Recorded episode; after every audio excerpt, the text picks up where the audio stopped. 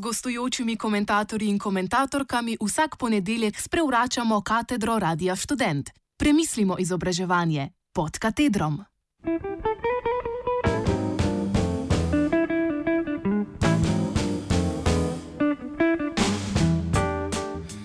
Za konec pa.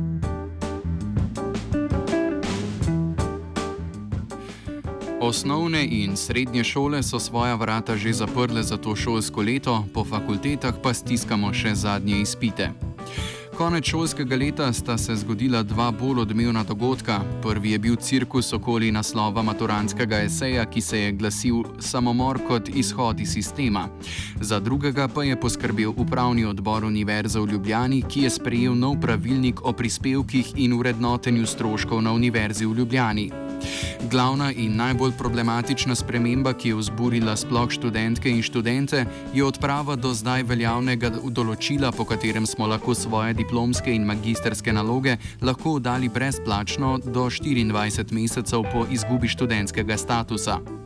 Po spremembah pa postane oddaja nalog plačljiva takoj po izgubi statusa. Sedaj pa še številke, pri katerih lahko vidimo, da ne gre za neke simbolne zneske, temveč predvsem za zaslužkarstvo. Za visokošolske programe prve stopnje je cena 506,50 evrov, za univerzitetne programe prve stopnje 634,30 evrov in pa za programe druge stopnje 952,10 evrov. Cene so navedene brez uštetega DDV.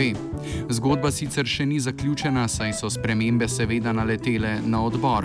Kako se bo to odvilo, bomo še videli, a to za nas ta trenutek ni pomembno.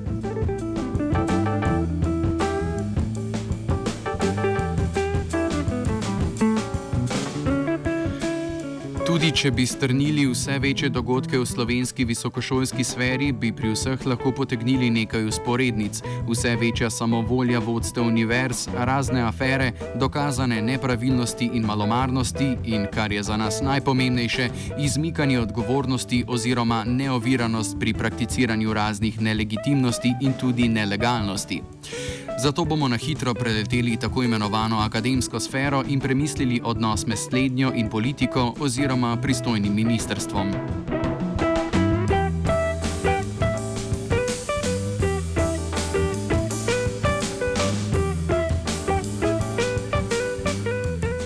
Najbolj odzivni in kritični na področju izobraževanja so predvsem sindikati in razne študentske grupacije. Zaposleni na univerzi, sindikati, študentske in, odgova mislim, študentke in študenti odgovarjajo na aktualne problematike konkretno in uporabljajo sredstva, ki jih imajo na voljo, torej protesti, pravna pomoč, dokazovanje nepravilnosti ter njihovo razkrivanje v javnosti in tako dalje. Na drugi strani pa imamo pristojno ministrstvo. Ministrstvo za izobraževanje, znanost in šport.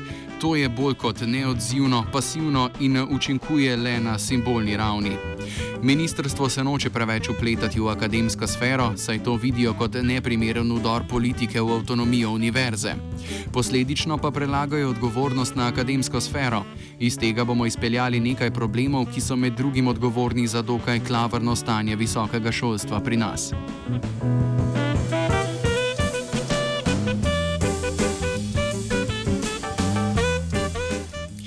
Če se najprej dotaknemo odgovornosti. Ta se iz ministrstva konstantno prelaga na akademsko sfero. Slednjo se konstantno omenja in očitno tudi misli kot homogeno celoto, ki obstaja brez konfliktov in deluje po pravilih. Tu imamo dva problema: prelaganje odgovornosti iz pristojnega ministrstva drugam in problematično dojemanje te tako imenovane akademske sfere. Slednja je močno hierarhično strukturirana v obliki piramide. Moč se koncentrira na vrhu, kjer se tudi sprejema večina odločitev. Edina proti utež samovolji vodstv so že prej omenjeni organizirani študentje in sindikati.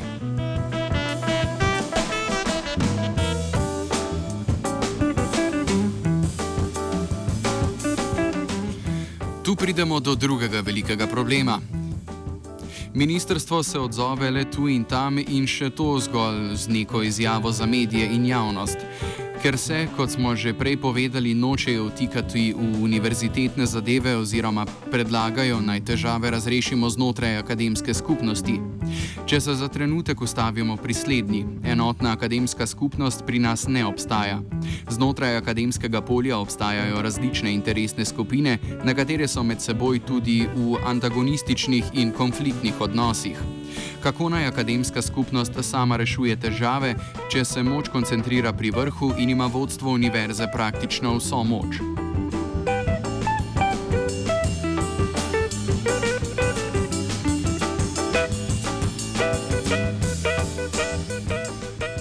Moč je bila pogosto zlorabljena, povozili so tako statute kot zakone. Pred kratkim je rektor Mariborske univerze dopise z ministrstva označil kot ljubiteljske dopise in tako dalje. Za zaščito svojih dejanj in svojih kolegov uporabljajo vse metode, od tihih do bolj eksplicitnih groženj. Tako kritični profesori in ostali zaposleni na univerzi lahko izgubijo svoje delovno mesto, študentke in študenti pa lahko v zadnji instanci zaradi določenega profesorja ali profesorice, ki so se jim zamerili, ne dokončajo študija. Težko oziroma praktično nemogoče se je poenotiti v tako obširni skupnosti, kot je akademska. Thank you.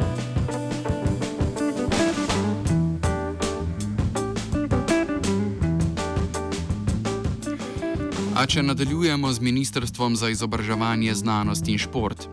Zelo problematično je že njihovo osnovno delovanje. Razni dopisi in občasne izjave pač niso dovolj. Še bolj problematična je njihova neusklajenost med izjavljanjem, torej PR-jem in praktičnimi dejanji. Tako ministrstvo javno sicer obsodi neko dejanje, predstavniki ministrstva, ki so prisotni v upravnih odborih univerz, pa potem glasujejo proti javnim in uradnim stališčem institucije, ki jo zastopajo. Če izpostavimo dva konkretna načina vplivanja pristojnega ministrstva na polje visokega šolstva. Eno je vsekakor zakonska ureditev tega področja, druga pa je neposreden vpliv prek predstavnikov oziroma zastopnikov ministrstva v organih univerz. A nič od tega ne deluje. Predstavniki ministrstva glasujejo po svoji vesti, v izhodiščih za novi zakon o visokem šolstvu pa lahko opazimo, da bi avtonomijo in s tem samo voljo ter moč rektorjev še okrepili. Opazna je nekakšna tendenca ministrstva po čim večjem izogibanju problemov, ki nastajajo v visokem šolstvu.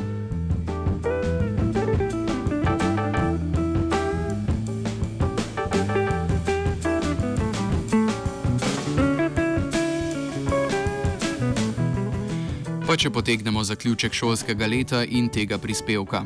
Glede na trenutno klavrno stanje je odgovornost za prihodnost visokega šolstva predvsem na študentkah, študentih in kritičnih zaposlenih na univerzi.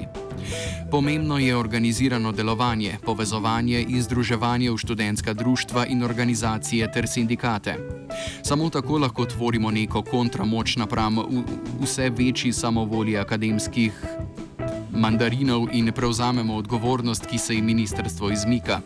Sicer pa ima vlada in s tem tudi ministrstvo za izobraževanje, znanost in šport le še slabo leto za uresničitev vseh načrtov in ureditev visokega šolstva. Na nas pa je, da, med da se med tem organiziramo in povežemo, saj vse kaže, da bomo čez leto dni imeli spet desno vlado. No, to pa vemo, kaj pomeni. Se še spomnite žige Turka in njegovih idej?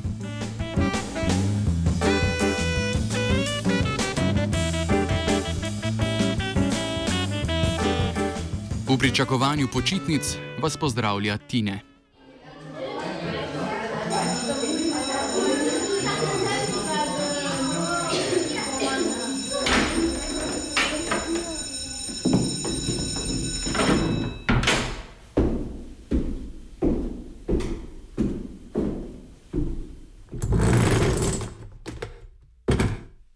Gostujočimi komentatorji in komentatorkami vsak ponedeljek sprevračamo katedro Radia Student. Premislimo izobraževanje pod katedrom.